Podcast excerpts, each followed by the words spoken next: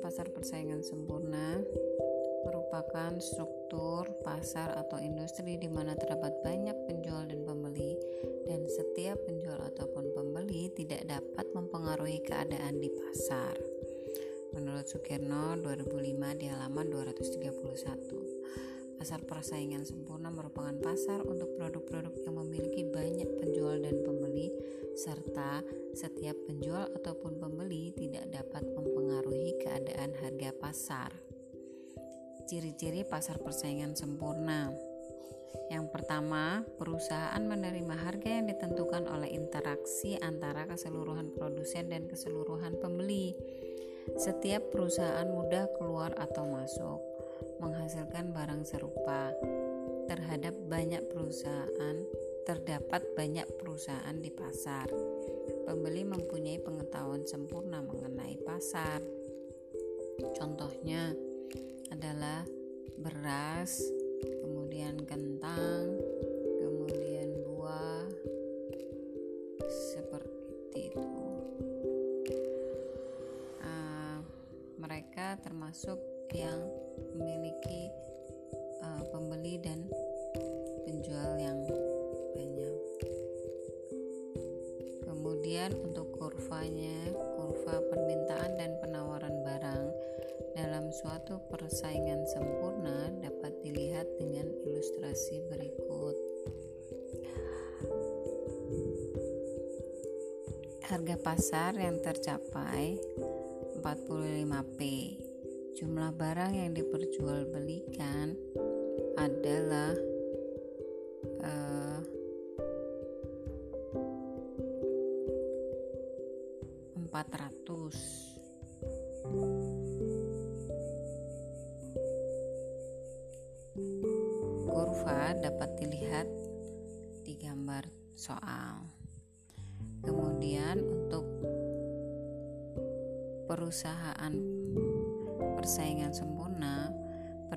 yang dihadapi oleh suatu perusahaan dalam industri tersebut adalah DD yang berbentuk satu garis yang sejajar dengan sumbu datar dengan tingkat harga yang dicapai uh, sebesar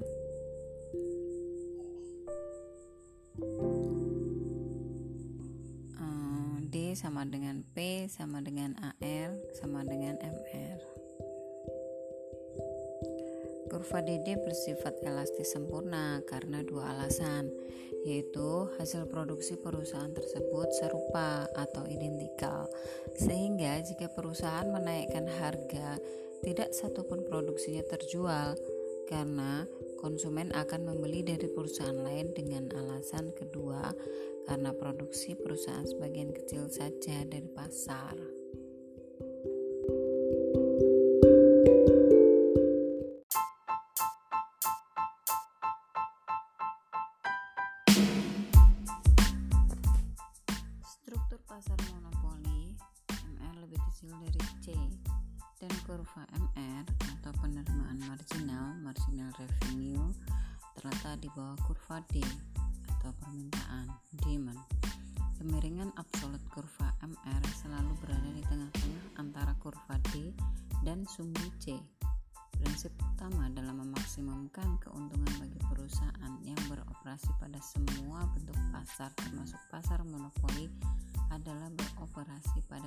Keseimbangan penerimaan marginal sama dengan biaya MC sama dengan biaya marginal atau MC.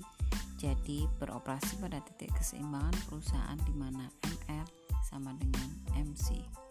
Ketika diketahui bahwa titik keseimbangan MR sama dengan MC, maka perusahaan monopolis akan memutuskan untuk memproduksi produk di titik Q Kurva permintaan menunjukkan bahwa harga pasar yang berlaku berada di titik P.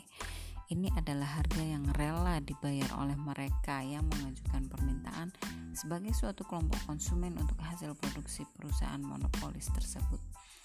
Di pasar, titik keseimbangan yang terjadi di, berada di titik E yang merupakan kombinasi dari harga dan jumlah equilibrium dengan asumsi P lebih besar dari AC tingkat keluaran ini akan menguntungkan. Uh, contohnya adalah dari perusahaan PLN menikmati layanan listrik dari PLN kemudian ada perusahaan KAI perusahaan Telkom karena layanan-layanan mereka memiliki bentuk pasar di mana hanya ada satu perusahaan saja.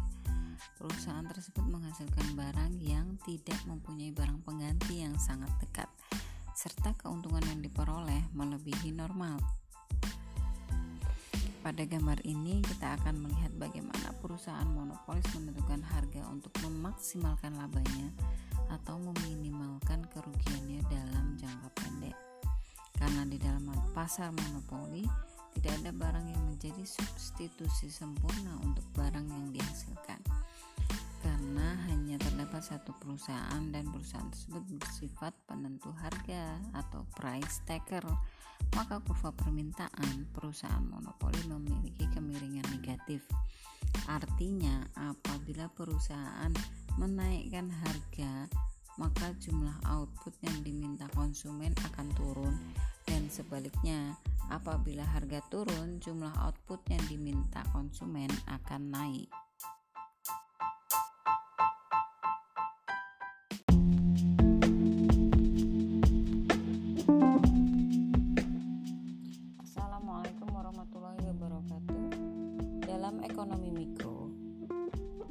Sigit Sarjono 2017 pasar oligopoli merupakan keadaan di mana hanya sedikit penjual, sehingga tindakan seorang produsen akan mendorong produsen lainnya. Dengan kata lain, pasar oligopoli adalah kondisi pasar di mana dinominasi oleh beberapa pelaku usaha yang memiliki skala produksi atau modal yang besar.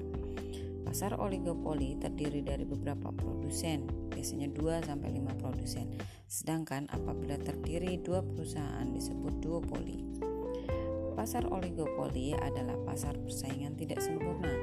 Disebut demikian karena di dalam pasar tersebut jumlah produsen dan pedagang tidak sebanding dengan jumlah pembeli atau konsumen. Secara praktis dan teoritis munculnya pasar oligopoli bersumber dari satu skala ekonomi yang dioperasikan sangat besar sehingga hanya sedikit perusahaan yang memasok pasar. Kedua, kebutuhan investasi yang besar sehingga menjadi hambatan bagi perusahaan lain untuk memasuki industri yang bersangkutan.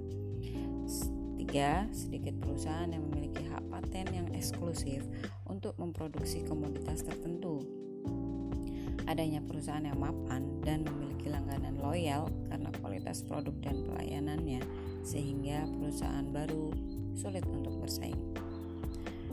Sedikit perusahaan yang memiliki kontrol atas pasokan bahan baku mentah untuk memproses komoditas tertentu menjadikan uh, sumber dari keluarnya pasar oligopoli. Pemerintah memberikan waralaba kepada perusahaan tertentu untuk bergerak di pasar contoh dari pasar oligopoli seperti air mineral aqua kemudian eh, penerbangan penerbangan eh, Garuda, Lion Air kemudian eh, minuman ringan seperti Pepsi dan Coca-Cola. Diasumsikan bahwa produk yang dijual oleh oleh perusahaan-perusahaan homogen itu dan tidak ada penggantinya. Secara umum pengertian kartel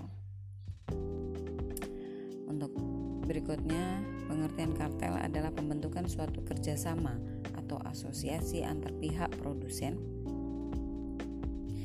uh, untuk melakukan kegiatan monopoli atas suatu komoditas ataupun industri tertentu. Aktivitas kartel terjadi karena munculnya persaingan usaha pada suatu bisnis industri, sehingga muncul ide untuk saling bekerja sama antar beberapa pembisnis agar bisa memenangkan persaingan tersebut. Artinya, kartel dilakukan agar beberapa pihak tertentu bisa menguasai pasar. Dalam prosesnya, Setiap pelaku kartel akan melakukan bentuk kesepakatan agar bisa membatasi jumlah ketersediaan suatu produk tertentu dan membagi wilayah penjualan produknya. Dari hal tersebut, maka akan muncul kelangkaan produk, sehingga pelaku kartel bisa meningkatkan harga jual produknya demi mendapatkan keuntungan yang lebih besar. Seperti contohnya pada kasus sepeda motor metik Yamaha dan Honda. Mereka melakukan kartel harga. Hal ini diputuskan oleh Mahkamah Agung. Konsumen jadi merugi karena harga melambung. Yamaha Honda kemudian dihukum membayar denda dengan nilai total 47,5 miliar. Tim investigator menemukan bahwa di Indonesia pemain skuter metik hanya empat produsen, yaitu Yamaha, Honda, Suzuki, dan TVS. Hal itu disebut sebagai pasar oligopolistik, seperti contohkan di atas. Pangsa pasar pada 2012, Honda menguasai 68%, Yamaha menguasai 30%, kemudian Suzuki menguasai 2%. Seiring waktu, Honda makin menguasai pasar. Adapun TVS masuk pada 2014 dan mendapatkan penjualan tidak sampai 1%. Kemudian tim investigator Investigator KPPU menyatakan yang pada pokoknya bahwa kartel yang terjadi mengakibatkan kenaikan keuntungan di Yamaha. Meskipun faktanya angka penjualannya menurun.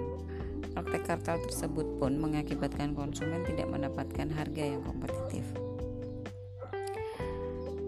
Kemudian KPPU memutuskan Yamaha Honda telah melakukan kartel harga. Yamaha Honda memenuhi pasal 5 ayat 1 Undang-Undang Nomor 5 Tahun 1999 yang menyebutkan bahwa pelaku usaha dilarang membuat perjanjian dengan pelaku usaha pesaingnya untuk menetapkan harga atas suatu barang dan jasa yang harus dibayar oleh konsumen atau pelanggan pada pasar bersangkutan yang sama. Kemudian menghukum terlapor dengan masing-masing denda 20 miliar dan terlapor yang lain eh, sebesar 22,5 miliar. Berdasarkan penjelasan tersebut, maka ciri-ciri kartel adalah sebagai berikut. Adanya persekongkolan antar beberapa pelaku usaha agar bisa memenangkan persaingan bisnis. Yang kedua, timbulnya usaha untuk mengurangi atau menghapus persaingan bisnis. Yang ketiga, adanya usaha untuk memonopoli pasar oleh beberapa pengusaha.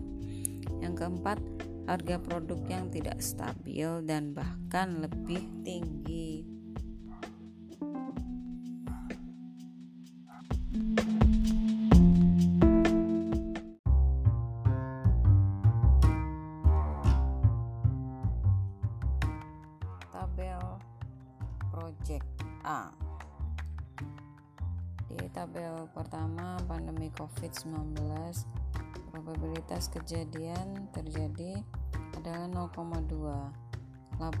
Keadaan ini terjadi adalah 20 juta rupiah. Laba yang diperkirakan yaitu 4 juta. Kemudian keadaan perekonomian normal dengan probabilitas kejadian ini terjadi 0,6 laba jika keadaan ini terjadi ada 25 juta. Laba yang diperkirakan adalah 15 juta. Kemudian keadaan perekonomian saat lonjakan di proyek A probabilitas kejadian ini terjadi 0,2 laba jika keadaan ini terjadi adalah 30 juta. Namun laba yang diperkirakan adalah 6 juta. Jadi, laba diperkirakan totalnya adalah 25 juta. Kemudian untuk proyek B, keadaan perekonomian pandemi COVID-19, probabilitas kejadian ini terjadi adalah 0,2. Laba jika kejadian ini terjadi adalah 0 rupiah. jadi laba yang diperkirakan adalah 0 rupiah kemudian untuk keadaan perekonomian normal. Laba yang ke probabilitasnya adalah 0,6 labanya 25 juta kemudian laba yang diperkirakan adalah 15 juta. Kemudian saat kondisi lonjakan dengan probabilitas 0,2 laba labanya 60 juta rupiah maka laba yang diperkirakan adalah 12 juta rupiah.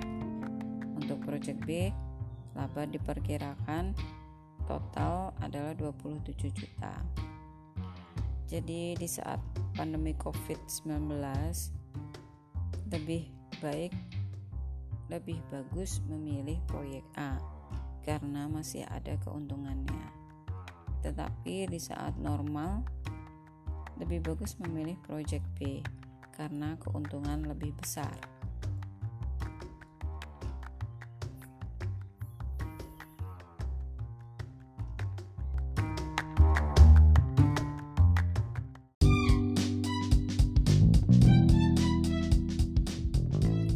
Capital budgeting, analisis investasi jangka panjang untuk PT Haru Biru merencanakan mengganti mesin pabriknya dengan mesin digital. Harga mesin digital adalah 440 miliar rupiah dengan masa pakai 8 tahun dan nilai residunya adalah 10 miliar rupiah. Penyusutan menggunakan metode streamline pendapatan 4 tahun pertama masing-masing 80 miliar rupiah 3 tahun berikutnya adalah 100 miliar rupiah dan tahun terakhir 72 miliar tingkat bunga 10% per tahun. Maka pembelian mesin digital tersebut dapat diterima karena dengan mesin tersebut bisa mendapat keuntungan yang cukup besar. Berapa lama payback periodnya?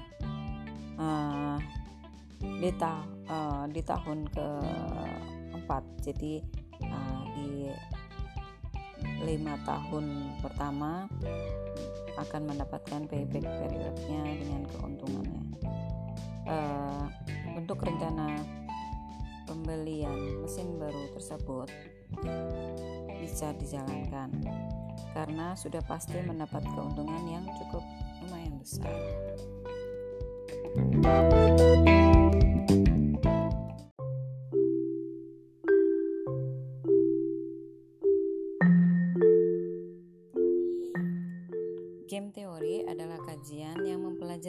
interaksi agen-agen ekonomi dalam mengambil keputusan yang optimal berdasarkan aksi dan reaksi antar agen-agen ekonomi tersebut.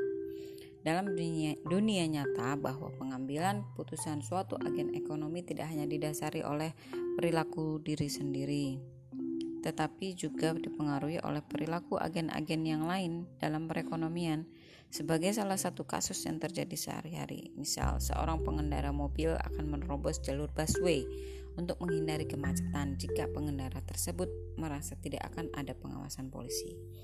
Tetapi, jika polisi melakukan pengawasan yang ketat, maka pengendara tidak akan menerobos jalur busway.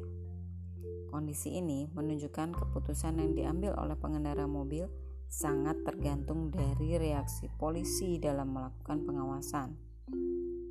Banyak kasus-kasus dalam perekonomian yang dapat dibahas dengan menggunakan game teori.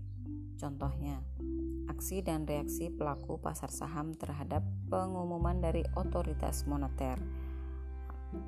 Cournot's model oligopoli, Bertrand's model oligopoli, electoral competition, Stakeholder's model of duopoly.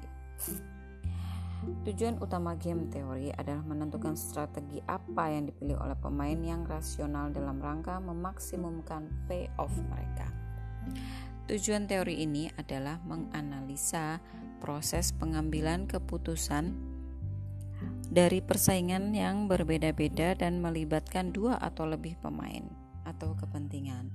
Kegunaan dari teori permainan adalah metodologi yang disediakan untuk menstruktur dan menganalisa masalah pemilihan strategi menggunakan teori permainan. Maka langkah pertama adalah menentukan secara eksplisit pemain strategi yang ada dan juga menentukan preferensi serta reaksi dari setiap pemain.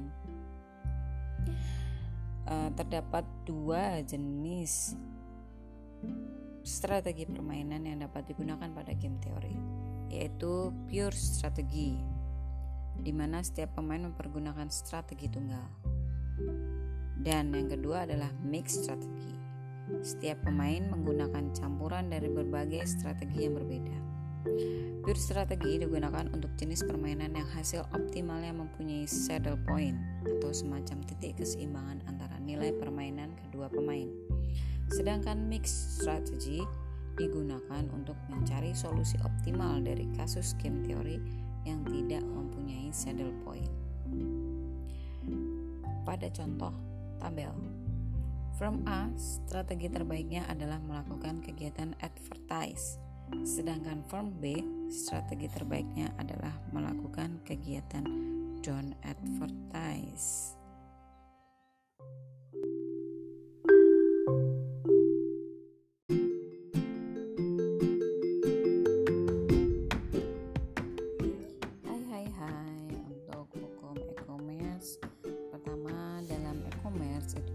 Tiga faktor utama penyebab munculnya yaitu pertama adalah evolusi komputer beserta dengan hardware dan softwarenya komputer. Kemudian perkembangan jaringan komputer dan internet dan perubahan gaya hidup dan pola pikir manusia di era digital. Nah lalu apa peran dari hukum untuk e-commerce ini? Pertama adalah ini adalah transaksi jual beli. Maka hak konsumen dan hak e, produsen itu harus sama-sama dilindungi. Mereka sama-sama mempunyai hak dan kewajiban. Kemudian yang kedua adalah e, data input. Jadi ketika konsumen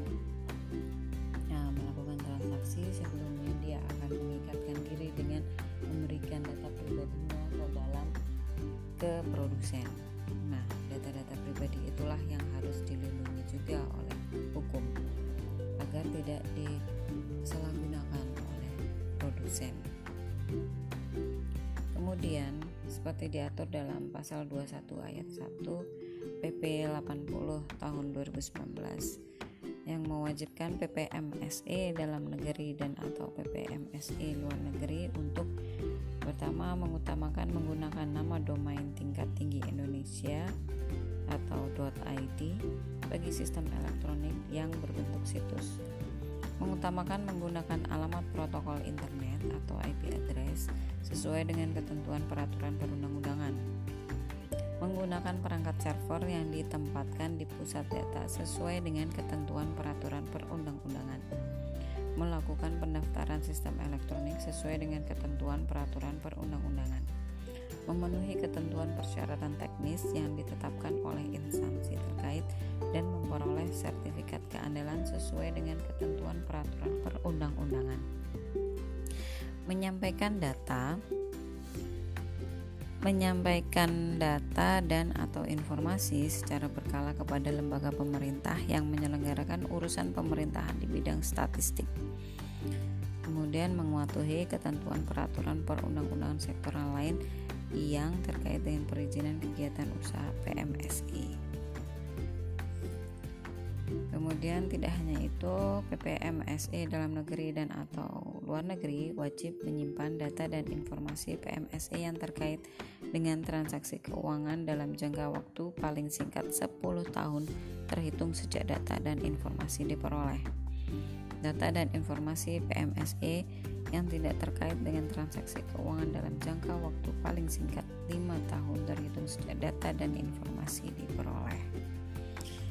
Kemudian salah satu dari uh, jaminan untuk penukaran barang dan pembatalan pembelian adalah pedagang wajib memberikan jangka waktu paling sedikit dua hari kerja untuk penukaran barang dan atau jasa atau pembatalan pembelian terhitung sejak barang atau jasa diterima oleh konsumen. Lalu terdapat kesalahan atau ketidaksesuaian antar barang dan jasa yang dikirim. Eh, terdapat kesalahan dan atau ketidaksesuaian antar jangka waktu aktual pengiriman barang atau jasa. Terdapat cacat tersembunyi barang atau jasa rusak barang atau jasa kadaluarsa. Nah ini yang diwajibkan bagi pelanggan untuk uh, memberikan hak konsumen Kemudian, konsumen yang melakukan penukaran barang atau jasa hanya dapat dibebankan biaya pengiriman jika kontribusi kesalahan terjadi pada ketidaktelitian e, konsumen. Kemudian, setiap PPMSE dalam negeri atau luar negeri menerima pembayaran wajib memiliki atau menyediakan mekanisme yang dapat memastikan pengembalian dana konsumen apabila terjadi pembatalan pembelian oleh konsumen. Jadi, untuk pengembalian barang, eh, konsumen itu bisa menuntut penjual untuk mengembalikan uang atau mengganti barang yang dibelinya tersebut. Sekian, terima kasih.